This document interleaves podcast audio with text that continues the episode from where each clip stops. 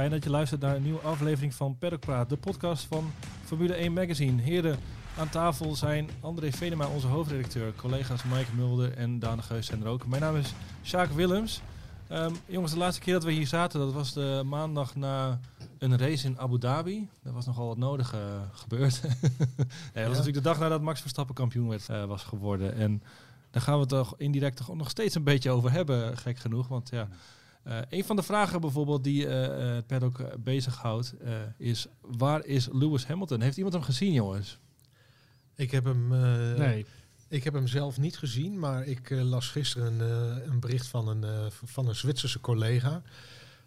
die, eh, die voor een, eh, een, een redelijk eh, boulevardblad. eh. voor een boulevardkrant eh, werkt. Eh, die, eh, die twitterde dat eh, Lewis Hamilton in eh, Los Angeles was gesignaleerd in een, eh, in een modewinkel eh, met een fan. Maar ik, heb er, ik heb er zelf geen, eh geen, Nee, geen foto Niet van actief op zoek geweest, nee. Nee, nee. nee. Maar het is ja. toch wel frappant ergens dat hij, eh, dat hij zo is verdwenen even. Normaal iemand die eh, eh, nou ja, toch op de voorgrond treedt, om het even met een understatement te zeggen. Mike, Ja, vind je er iets van? Nee. Nee. Hij baalt. ja. En, en ik, misschien dat het ook, daar zullen we het ook nog wel over hebben, over het VIA-onderzoek. Misschien dat het dat ook wel een beetje, dat hij even dat aankijkt en wacht tot daar wat meer duidelijkheid is over, over eh, dat VIA-onderzoek.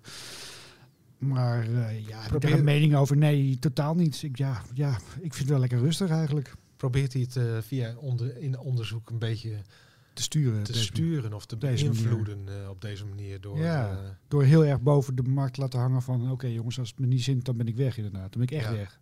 Het is, het is misschien een betere manier om er druk op te zetten dan Ja. het er telkens over te hebben. Ja. Inderdaad. En Zeker. En we ook niet, ik denk dat hij ook gewoon verschrikkelijk baalt. En het heel erg, heel erg is tegengevallen. Ja. En heel erg Toch eh, gekrenkt. depressief is geworden. ja. toch Na- toch zou na mij niks verbazen als, als, als straks bij die, bij die presentatie van die nieuwe Mercedes, dat hij daar dan weer op zijn Hamilton staat. En dan, Ja, zoals hij dat altijd doet, een beetje uitlegt van ja, ik snap niet waar jullie je druk om hebben gemaakt. Ik had gewoon even geen trek in de media en Ja. de social media. Dat, Ja. dat doet hij altijd bij dat soort beladen topics waar hij zich dan niet hij heeft over het ook wil wel vaker gedaan, Ja. hè, dat Ja. er een bepaalde Ja. eh, windstilte Mhm. was. ja. Ik zag een twitteraar ook wel terecht opmerken van Sebastian Vettel hebben we ook de hele winter niks gehoord op social media. precies. Want die heeft geen social media. Ja. Maar de vraag of hij doorgaat of niet, is dat een, een legitieme vraag? Of is dat iets wat is gaan leven omdat er niks is gecommuniceerd verder? Ik, Ik kan het me gewoon niet voorstellen. in Ik, ieder ik geval. ook niet. Ik verwacht hem gewoon. eh, Ja. Ik verwacht hem gewoon eh, komend jaar weer, eh, weer in de auto. Helemaal nu nog, hè, eind januari gaat hij toch, toch, toch niet zo ineens zeggen...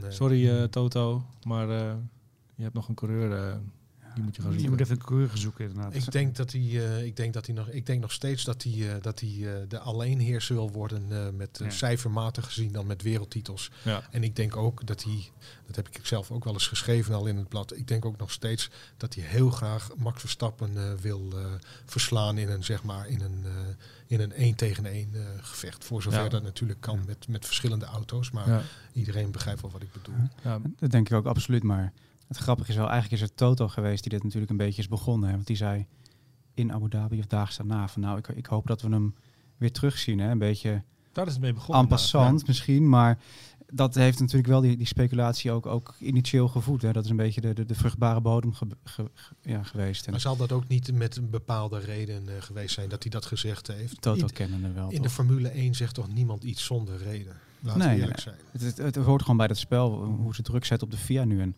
ik denk dat de FIA eh, een interessante reactie heeft gegeven door te zeggen van nou, de officiële presentatie van, van het onderzoek wat we doen, die, die komt echt eh, daags voor Bahrein pas. Ja. Dus feitelijk hebben ze Hamilton eigenlijk eh, een hele krappe deadline gegeven Mm. voor die beslissing. Dus Nou, dat is wel interessant. Voor die tijd moet hij al in die auto hebben gezeten. Ja, precies. Hij moet dan al de test gedaan hebben Precies. natuurlijk. Dus, Ja. dus. Daar zit dan toch ook wel weer een, mogelijk een bedoeling achter. Om die zo laat eh, eh, te geven. Ik kan me herinneren dat ooit de, de, de straf, waarvan we nooit weten wat die was, voor Ferrari. Die werd ook op de vrijdag, de laatste Ja. vrijdag van de wintertest Precies, gegeven. Om precies. ja. half vijf. Ja. eh, En, en toen kregen we niet eens de details eh, Nee. te horen. Nee. Maar dat is denk ik niet om het te veel op te gooien. Van, het, is nu één grote show, maar weet je, dat is natuurlijk een, geweldig moment qua aandacht nog even. Wat je dan hebt vlak voor de race in Bahrein. Dus Ja. als je het vanuit een media-oogpunt zou, zou regisseren, is dat natuurlijk ideaal. Het gaat, nu, het gaat nu toch Nee. al bijna twee maanden over de vraag van gaat Lewis Hamilton door? Wat, voor, wat, wat, gaat, eh, wat gaat de uitkomst worden van het, van het onderzoek? Ik bedoel, de Formule 1 kan zich toch geen betere publiciteit wensen dan eh, de publiciteit die ze nu En, krijgen. en je hebt ook nog een hele periode daarvoor dat er waarschijnlijk allemaal dingen gaan uitlekken over het onderzoek van Ja. hoe, ze het toch gaan doen in Bahrein. Ja. Want dat moet natuurlijk wel allemaal ruim van tevoren duidelijk gemaakt worden. We zijn al met onze preview bezig. Het seizoen komt eraan. De, de, de previewgids. Je merkt al op, eh, Daan. Ik denk dat hij gewoon terug wil komen en iedereen helemaal kapot wil maken. Ja, dat denk ik wel. Ja. Dat, dat dat een beetje de stemming is bij Mercedes. Getergde Hamilton, eh, dan krijg je weer eh, de, de teksten hè, van eh, Still I Rise en Back Against the Ropes, dat soort dingen. Dat, dat, dat, dat werkt ook wel bij hem. Hij is iemand no- die heeft dat ook nodig, een beetje, een beetje dat gevoel van tegenstand. Ja. En over het onderzoek. Hè, jij eh, merkt ook op, Daan. eh, de BBC meldde, er was een, eh, een of andere commissievergadering... waarin het Ja. hele nou ja, verhaal ook is besproken. Die werd voorgezeten door niemand minder dan... Ja, Michael Masi, de, de, de, de, de man in kwestie naar wie, naar wie ja, toch een van de hoofdrolspelers in dat onderzoek. Slager die Ehm, zijn eigen vlees keurt. Ja, ja, hij zou wel volgens de BBC zou dus ook besproken zijn in de safety procedure. En toen zou hij zich inderdaad verontschuldigd hebben en, en dus, ja, ik weet niet, de zaal of de Zoom-meeting eh, tijdelijk verlaten hebben.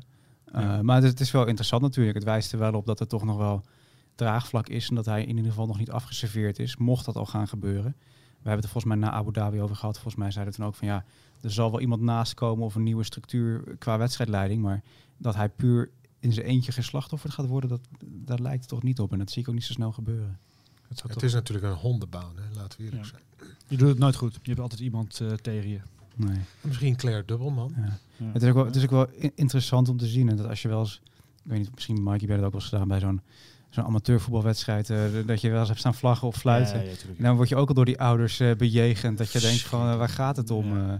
En dat je denkt van ik, ik vlag nu maar even niet en dan krijg je de tegenstander weer op, over je heen, weet je wel. Dus, dus die doet het nooit goed. En, Nee. en, en laten we niet moeilijk doen. Hij heeft gewoon volgens de reglementen gehandeld. Hij heeft, ja, misschien vanuit onze optiek heeft hij, of uit Mercedes optiek heeft hij het fout gedaan.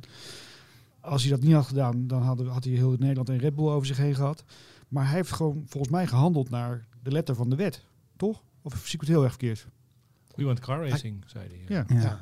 Dat is natuurlijk dit, dit- Hij, dit- hij mocht Hij- ingrijpen. hij- op dat- hij- hij mocht hij- ingrijpen op dat moment. Hij, hij- ja, hij had de bevoegdheid om Ja, het precies. te doen. Dus, nou, eh, of dat goed is of niet, is, nou nou ja, dat, daar, daar zijn de meningen over verdeeld inderdaad. Maar het is geen foute, het is niet in de kern een, een, een onreglementaire beslissing geweest. nee.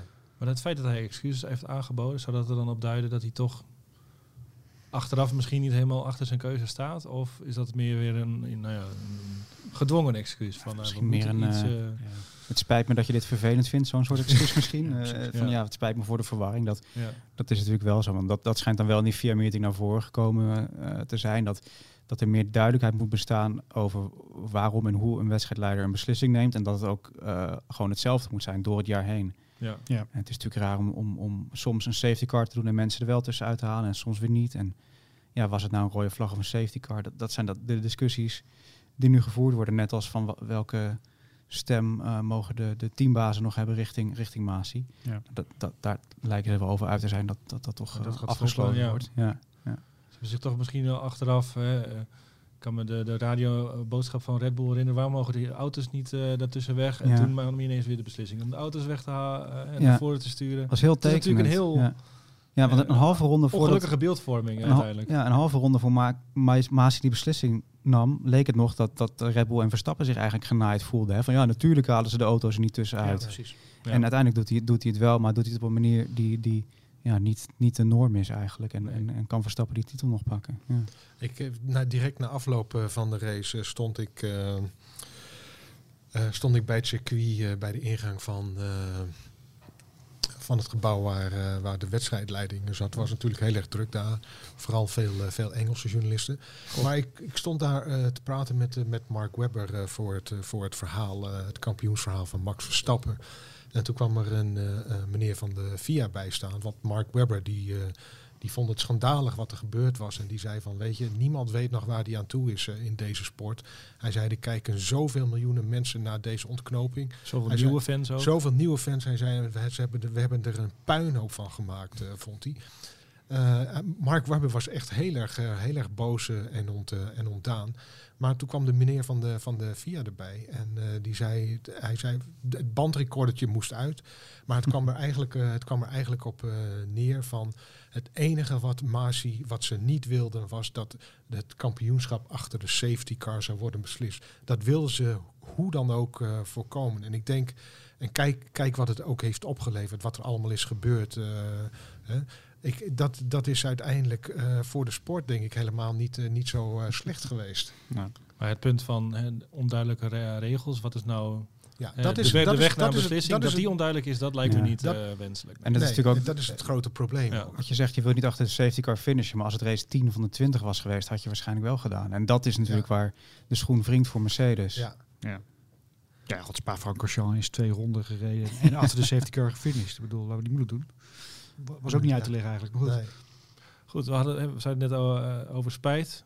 Michael Masi heeft eh, spijt betuigd. Toto betuigde ook, Toto Wolf moet ik zeggen natuurlijk, de Mercedes teambaas. Jij sprak hem, eh, laat ik zeggen, een tijdje terug, André. Ja, ja. ik heb hem ik Hij, heb hem tijdens de Grand Prix van Zandvoort, Zandvoort Ja. heb ik hem gesproken. Hij ziet, ja. onze, hij ziet onze nieuwe editie en Ja, met als quote, eh, ik heb spijt van de ruzie met Horner. Ja. Dus, over de algehele... Over de het algehele, seizoen. precies. Dat, het ging dus eh, met name, en dat, eh, dat komt in het verhaal ook wel eh, naar voren. Ehm, het ging over eh, nou ja, de verbale gevechten die hij eigenlijk het hele jaar door heeft gevoerd met, met Horner. We kennen het allemaal, eh, wat zei die, windvaan? Ja. Of windbuil. En, Windbag. ja, het, het ging maar door en het was op een bepaald moment, het werd gewoon echt een beetje, ja, Beetje gênant. een beetje gênant, ja. Dus, eh, eh, en dat was eigenlijk ook de insteek van het gesprek eh, destijds met, met Wolf. Ik wilde het niet zozeer hebben over Mercedes en dat soort zaken, want dat weten we allemaal wel. Maar ik wilde het eigenlijk gewoon hebben over de persoon Toto Wolf. Wie is hij? Ehm, hoe, hoe, weet je, hoe, hoe, hoe handelt hij dingen? Eh, Want hij heeft natuurlijk een heel druk leven. Hij is met zoveel dingen, hij heeft zoveel ijzers in het vuur. En eh, toen kwam het gesprek dus op, eh, op eh, die, die woordenwisseling en de, die ruzie, die dogfight zoals we het noemden met, met, met Horner. En hij zei dus ook van, dat hij daar echt spijt van had en dat het dat nooit zover had mogen komen. Ehm, eh, en zijn vrouw hem daar eigenlijk ook op, op, op wees en eigenlijk ook terecht wees dat, dat het niet netjes was en dat het maar ja, het past ook niet bij, bij het, het past ook niet bij, bij het merk Mercedes. Net, zo- het, het, weet je, een beetje dat, dat, dat, dat, dat kietelen en dat uitdagen, dat, dat hoort wel een wat meer bij Red Bull. Maar Mm. Mercedes is toch een wat meer corporate, wat meer zakelijk. Weet je, het past ook niet bij, eh, bij, dat, eh, bij, bij die firma. En eh, daar ging het dus eigenlijk over. En vandaar ook de kop, daarvan, Ja. dat hij daar spijt van had. Maar ehm, kennelijk is dat eh, eh, door sommige mensen toch iets eh, anders uitgelegd en geïnterpreteerd als dat hij spijt zou hebben van wat er in Abu Dhabi is gebeurd. Ehm, en daar eh, kreeg ik afgelopen weekend eh, wat, eh, wat iets over te horen van, van, van Mercedes. Want even voor de duidelijkheid, de nieuwe editie ligt al in de winkel. Die ligt sinds donderdag in de winkel. Ja, maken er dan een, een, een, fragment, halen we eruit. ja, Om het nou, ja, ook onder de aandacht te brengen dat we een nieuwe edi- editie hebben. En dat werd ja, nou, dat werd- opgepikt door enkele media. Die we, nou, Ja, ook door, door enkele Britse media. En nou ja, dan als anderen gaan, gaan knippen en plakken of het eh, eh, zelf gaan interpreteren, dan, eh, dan wil er nog wel eens wat, wat fout gaan. En misschien dat dat is gebeurd, want eh, ehm, ze waren niet, zo, niet zo blij met, met, eh, met de kop. En ze, ze dachten dat wij dus suggereerden eh, dat eh, hij spijt had van wat er allemaal na Abu Dhabi is gebeurd. Maar goed, begrijpend lezen is ook een kunst. eh, en als, als iedereen het gewoon leest zoals het er staat, dan weet je dus, en dan kun je dus ook wel herleiden dat het gewoon over die gevechten, die verbale gevechten met Horner ging, zeg maar, na tot Qatar. Wat zal het geweest zijn? Qatar? Ja, Saudi-Arabië denk ik. Ja, en, eh, en dat het dus helemaal niets te maken had met, eh, met, met wat er na Abu Dhabi is gebeurd. Dat kan ook niet, want niemand heeft eh, Toto Wolf na Abu Dhabi nog gesproken. Nee. En ze zijn volgens mij ook niet boos op Red Bull. Ze zijn ook niet boos op Red Bull. Nee, van de titel nee, of iets nee, dergelijks. nee, Nee. nee, nee. Dat de, de, de ergernis en de frustratie en de woede die zich toch vooral bij, Ja. bij Masi. Maar toch wel opvallend wel, toch? Dat ze dan eh, zo op aanslaan? Of is dat, eh, of gebeurt dat wel vaker? Ik, ik weet, het gebeurt wel vaker Ja. en het is ook een beetje, eh, ja, ik, het is, weet je, het is ook een beetje hoe de Formu- Formule 1 is. Het is, het is een wereld die zeker, waar, waar controle gewoon, Ja. er lopen, nerg- ver. er lopen nergens meer control eh, freaks rond eh, dan in de Formule 1. Ja. Niet, eh, niet bij teams, niet bij technici en ook niet bij de, bij de eh, marketing en eh, PR-teams. Nee, nee. Goed. Maar niet alles is te controleren. Nee, die editie dus in de winkel. En eh, te bestellen via onze website formule1.nl. Perlpraat. Wil ik even doorschakelen naar eh, Red Bull en Honda. Dat was toch ook weer een opvallend, eh, opvallende ontwikkeling. Want eh, Red Bull en Honda gaan toch niet zomaar zonder slag of stoot uit elkaar. En dat bedoel ik dan in de goede zin van het woord, Daan. Ja, de inboedel blijft eh, in beheer bij Honda inderdaad. Eigenlijk was de bedoeling dat, dat Honda dit jaar nog support zou geven aan Ja. Red Bull. En dan vanaf eh, 23 dat Red Bull het zelf zou doen. Nu is toch besloten, althans het moet officieel nog bekrachtigd worden. Maar alles wijst erop dat Honda toch die motoren gewoon blijft, ja, blijft runnen. En, en voor zover toegestaan ontwikkelen vanuit Japan. Tot en met eh, eind 2025. Ja. En dan komen in 26 natuurlijk de nieuwe motoren die, eh, die, die Red Bull vermoedelijk zelf zal eh, gaan maken. Of met Porsche of Volkswagen of Audi. Dat moeten we nog zien. Maar het is best wel een, ja, best wel een omslag bij, bij Honda toch ook en bij Red Bull. In, interessant ook wel in de zin dat het betekent dat de Red Bull Powertrains, dus die motorafdeling die ze hebben opgericht, zich dus voor op 2026 eh, kan richten. Ja. En het wordt natuurlijk gepresenteerd als, als een soort goed nieuws voor Red Bull. Dat is het ook wel, denk ik. Ehm, interessant wordt natuurlijk om te zien of, of Honda ook nog eh, verdere steun gaat geven. Hè, in de vorm van sponsoring of toch de naam eraan blijft verbinden. Ehm, maar ja, je kan je ook afvragen, als je, als je er kritisch naar kijkt, van, zou het ook misschien betekenen dat het Red Bull denkt van wij hebben toch die steun van Honda nog, nog nodig de komende jaren. Hè? En we kunnen het misschien toch, hè, het opzetten van die motorafdeling heeft misschien toch wat meer voet in de aarde. Dus het, het, is interessant, maar het is ook een beetje een ondoorzichtige situatie. En het wordt wel ja, boeiend om te horen hoe dat precies ingevuld is en waarom zo. Hè? Want dat, of het puur die titel van Verstappen is geweest die, die hiervoor heeft gezorgd, of dat het toch meer speelt op de achtergrond wat de technische eh, zaken betreft. Ja. Dus er, is, er blijft natuurlijk best veel Honda-personeel plakken. Ik geloof dat een Ja. van de, de kopstukken nu ook de overstap maakt, toch? Naar ja, eh, de die, permanente die is overstap. nu eh, ZZP'er, of hoe je dat ook in het Japans noemt. En die gaat eh, een beetje adviseren tussen, tussen Red Bull en Honda. Dus het klinkt als een mooie, mooie consultancybaan, want hij moest bij Honda, eh, is die wel weg. Inderdaad, Dat is de, Yamamoto. de, de, de grijzige... dat is de, de, ja. de grote man was dat daar. Ja, ja. Ja, ja, oké. ben benieuwd, want ja, er liggen, er zijn natuurlijk meer kapers op de kust met eh, mogelijk Porsche en Audi die eh, eh, hun eh, nou ja, entree willen maken. Ja.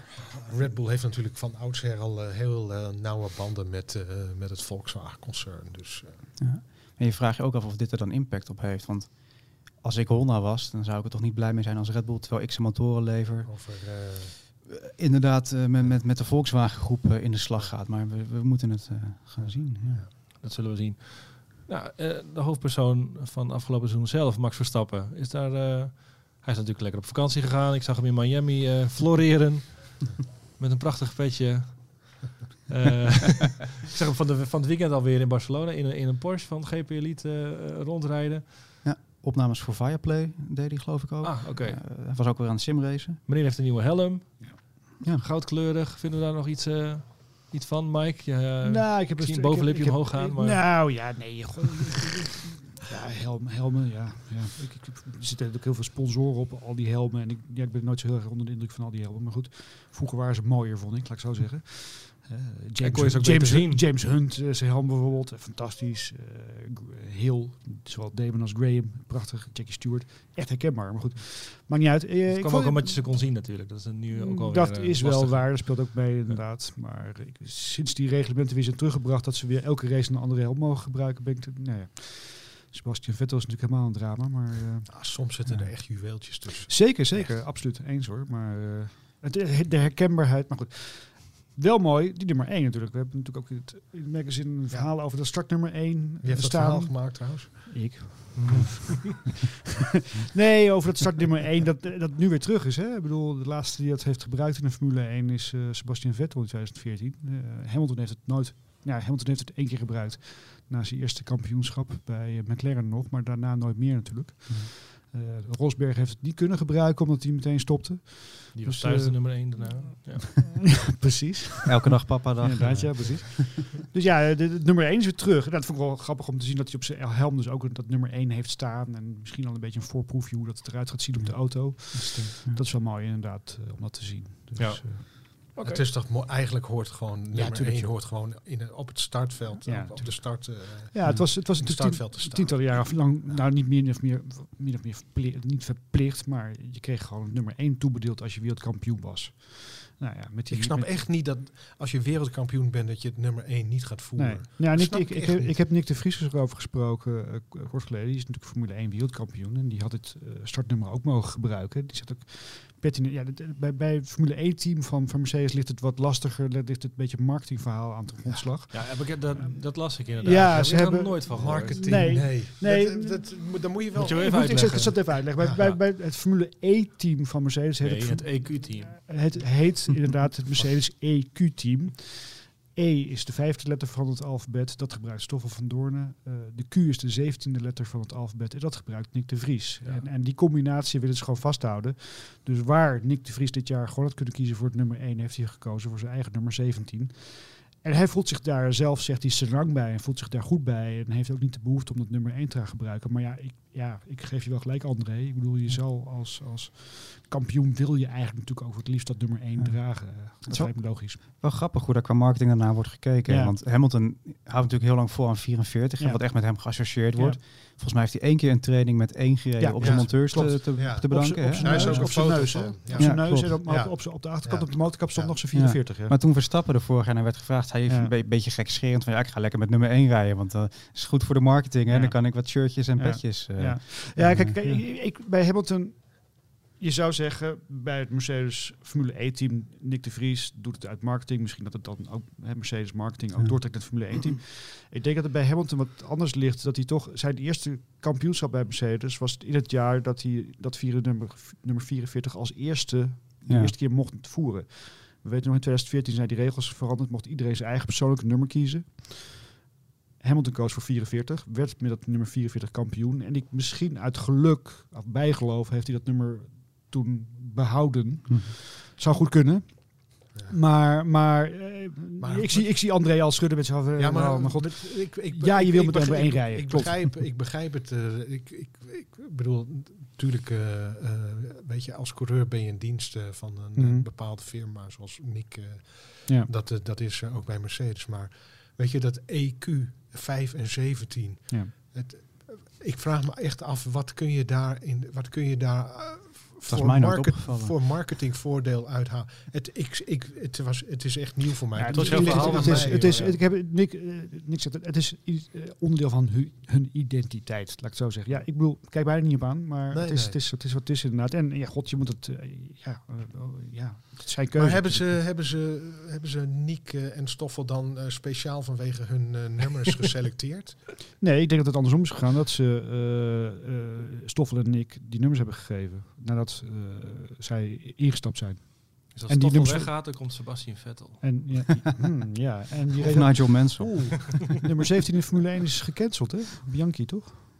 Ja, klopt. Ja. ja, nou ja, dat is uit, eer van hem eh, Ja, precies. Ja, ja. ge- gepensioneerd. Ja. Hoe noem je dat? eh? Ja, het Zoals 14 bij gepensioneerd, Ajax. ja, precies. Ja, ja. Ja, nee, ja, Ja. ja, eh, ik, ja eh, zeg maar. Ik, Nee, eh, nee. ja, het is, het is, het is een eh, opmerkelijk. inderdaad. doen wat hij, Absoluut, wil. Ja, het heeft Ja. ook wel iets, eh, weet je, als je zo'n nummer 1 zit, er gaat ook een soort verwachting of iets speciaals vanuit. Het is net als Ja. als je, als je voetbal kijkt, je ziet een jongen met nummer 10 lopen, dan denk je ook van ja, dat Ja, is dan dat vaak het beste zijn. Maar Ja. als je nummer 1 bent, dan ben je de koning van de apenrots. hè. En laten we eerlijk zijn, het, eh het Bokito-gehalte Bokito, in, ja. de, in de autosport is toch, eh, Heel groot. Ja, het is toch redelijk Ja. groot. Ja. Ja. Absoluut. Dus ik, ik, ben heel, ik kijk daar heel erg naar uit, naar dat nummer 1 op de auto van, van, van Verstappen. Ja. Ik vind het goed dat hij nummer 1 heeft Ja. gekozen. Echt. En ik neem ook aan dat het mooi groot op komt te staan. In goud het liefst. Ik weet niet hoe het combineert met, eh, met de Red Bull kleuren, maar mooi. Nou, Red Bull moet gewoon de kleur van de auto eh, aanpassen Ja. aan de gouden 1 van. Verstappen. Ja. Gouden auto. mij. Ze moeten gewoon ook zo'n zo'n blikje uitbrengen in Red Bull number 1. eh Ja.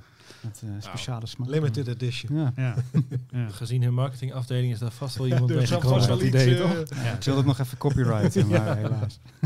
Ja, laatste nieuwtje wat ik nog even had opgeschreven was dat eh, we hebben natuurlijk 23 eh, weekenden dit jaar. Het is allemaal in een, in een kortere tijd gepropt dan afgelopen jaar, in 35 weken om precies te zijn. Maar daarmee, eh, de donderdag wordt geschrapt, eh, André. Ja. Eh, normaal Dat gesproken... scheelt weer een hotelboeking, Nou, soms, dat, of niet? dat dacht ik, eh, dat dacht ik Ja. ook. Maar eh, dat valt over het algemeen Nee. wel mee. In Europa zou het, eh, zou het op zich geen probleem zijn, omdat je eh, vaak genoeg eh, donderdagochtend eh, eh, vluchten kunt nemen naar, eh, naar eh, het desbetreffende land. Of, eh, maar voor, eh, voor de overzeese races eh, ga ik, ik, ik ga echt niet op eh, donderdag eh, naar Singapore vliegen Nee. om daar. Beetje. Ja, nee, dat, eh, dat, dat, blijft gewoon, eh, dat blijft gewoon de woensdag de, vertrek, eh, de vertrekdag. Of Wat is precies de reden eigenlijk dat ze dit gedaan hebben zo? Ik denk eh, om, eh, om alle mensen een dag extra, Ja. Toch rust 23, of vrij te ja, gunnen. 23 dagen in het jaar. Ja. Ja. Ja. Het is misschien wat makkelijker naar de teams te verkopen. En dat je zegt van nou, we hebben meer races in kortere tijd dan ooit. Maar je hebt een dag meer rust tussen de races. In de praktijk.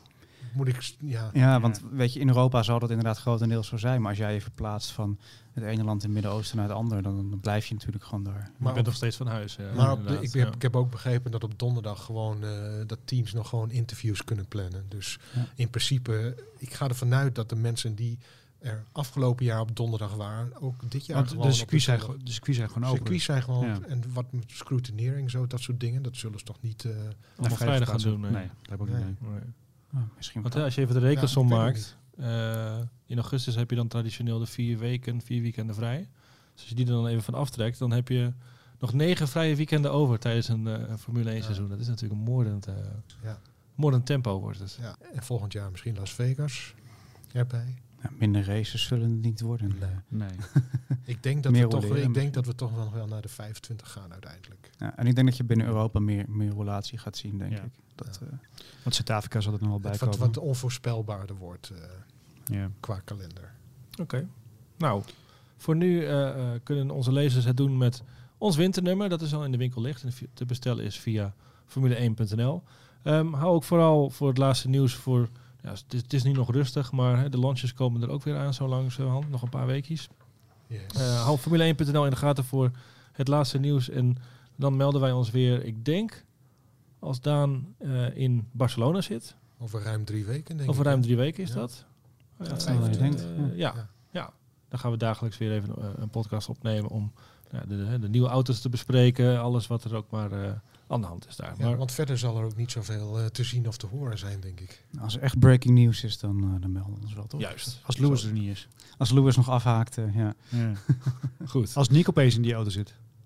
Met nummer 17? Nee, dat kan niet. Nee, Ja. hij had hij Nee. niet 61. testnummer, eh, eh, Voor mij ja. met 61. te- Nou goed. drie. Nee. Tot, de, tot de volgende, zeg ik voor nu. Bedankt voor het luisteren. Perlpraat.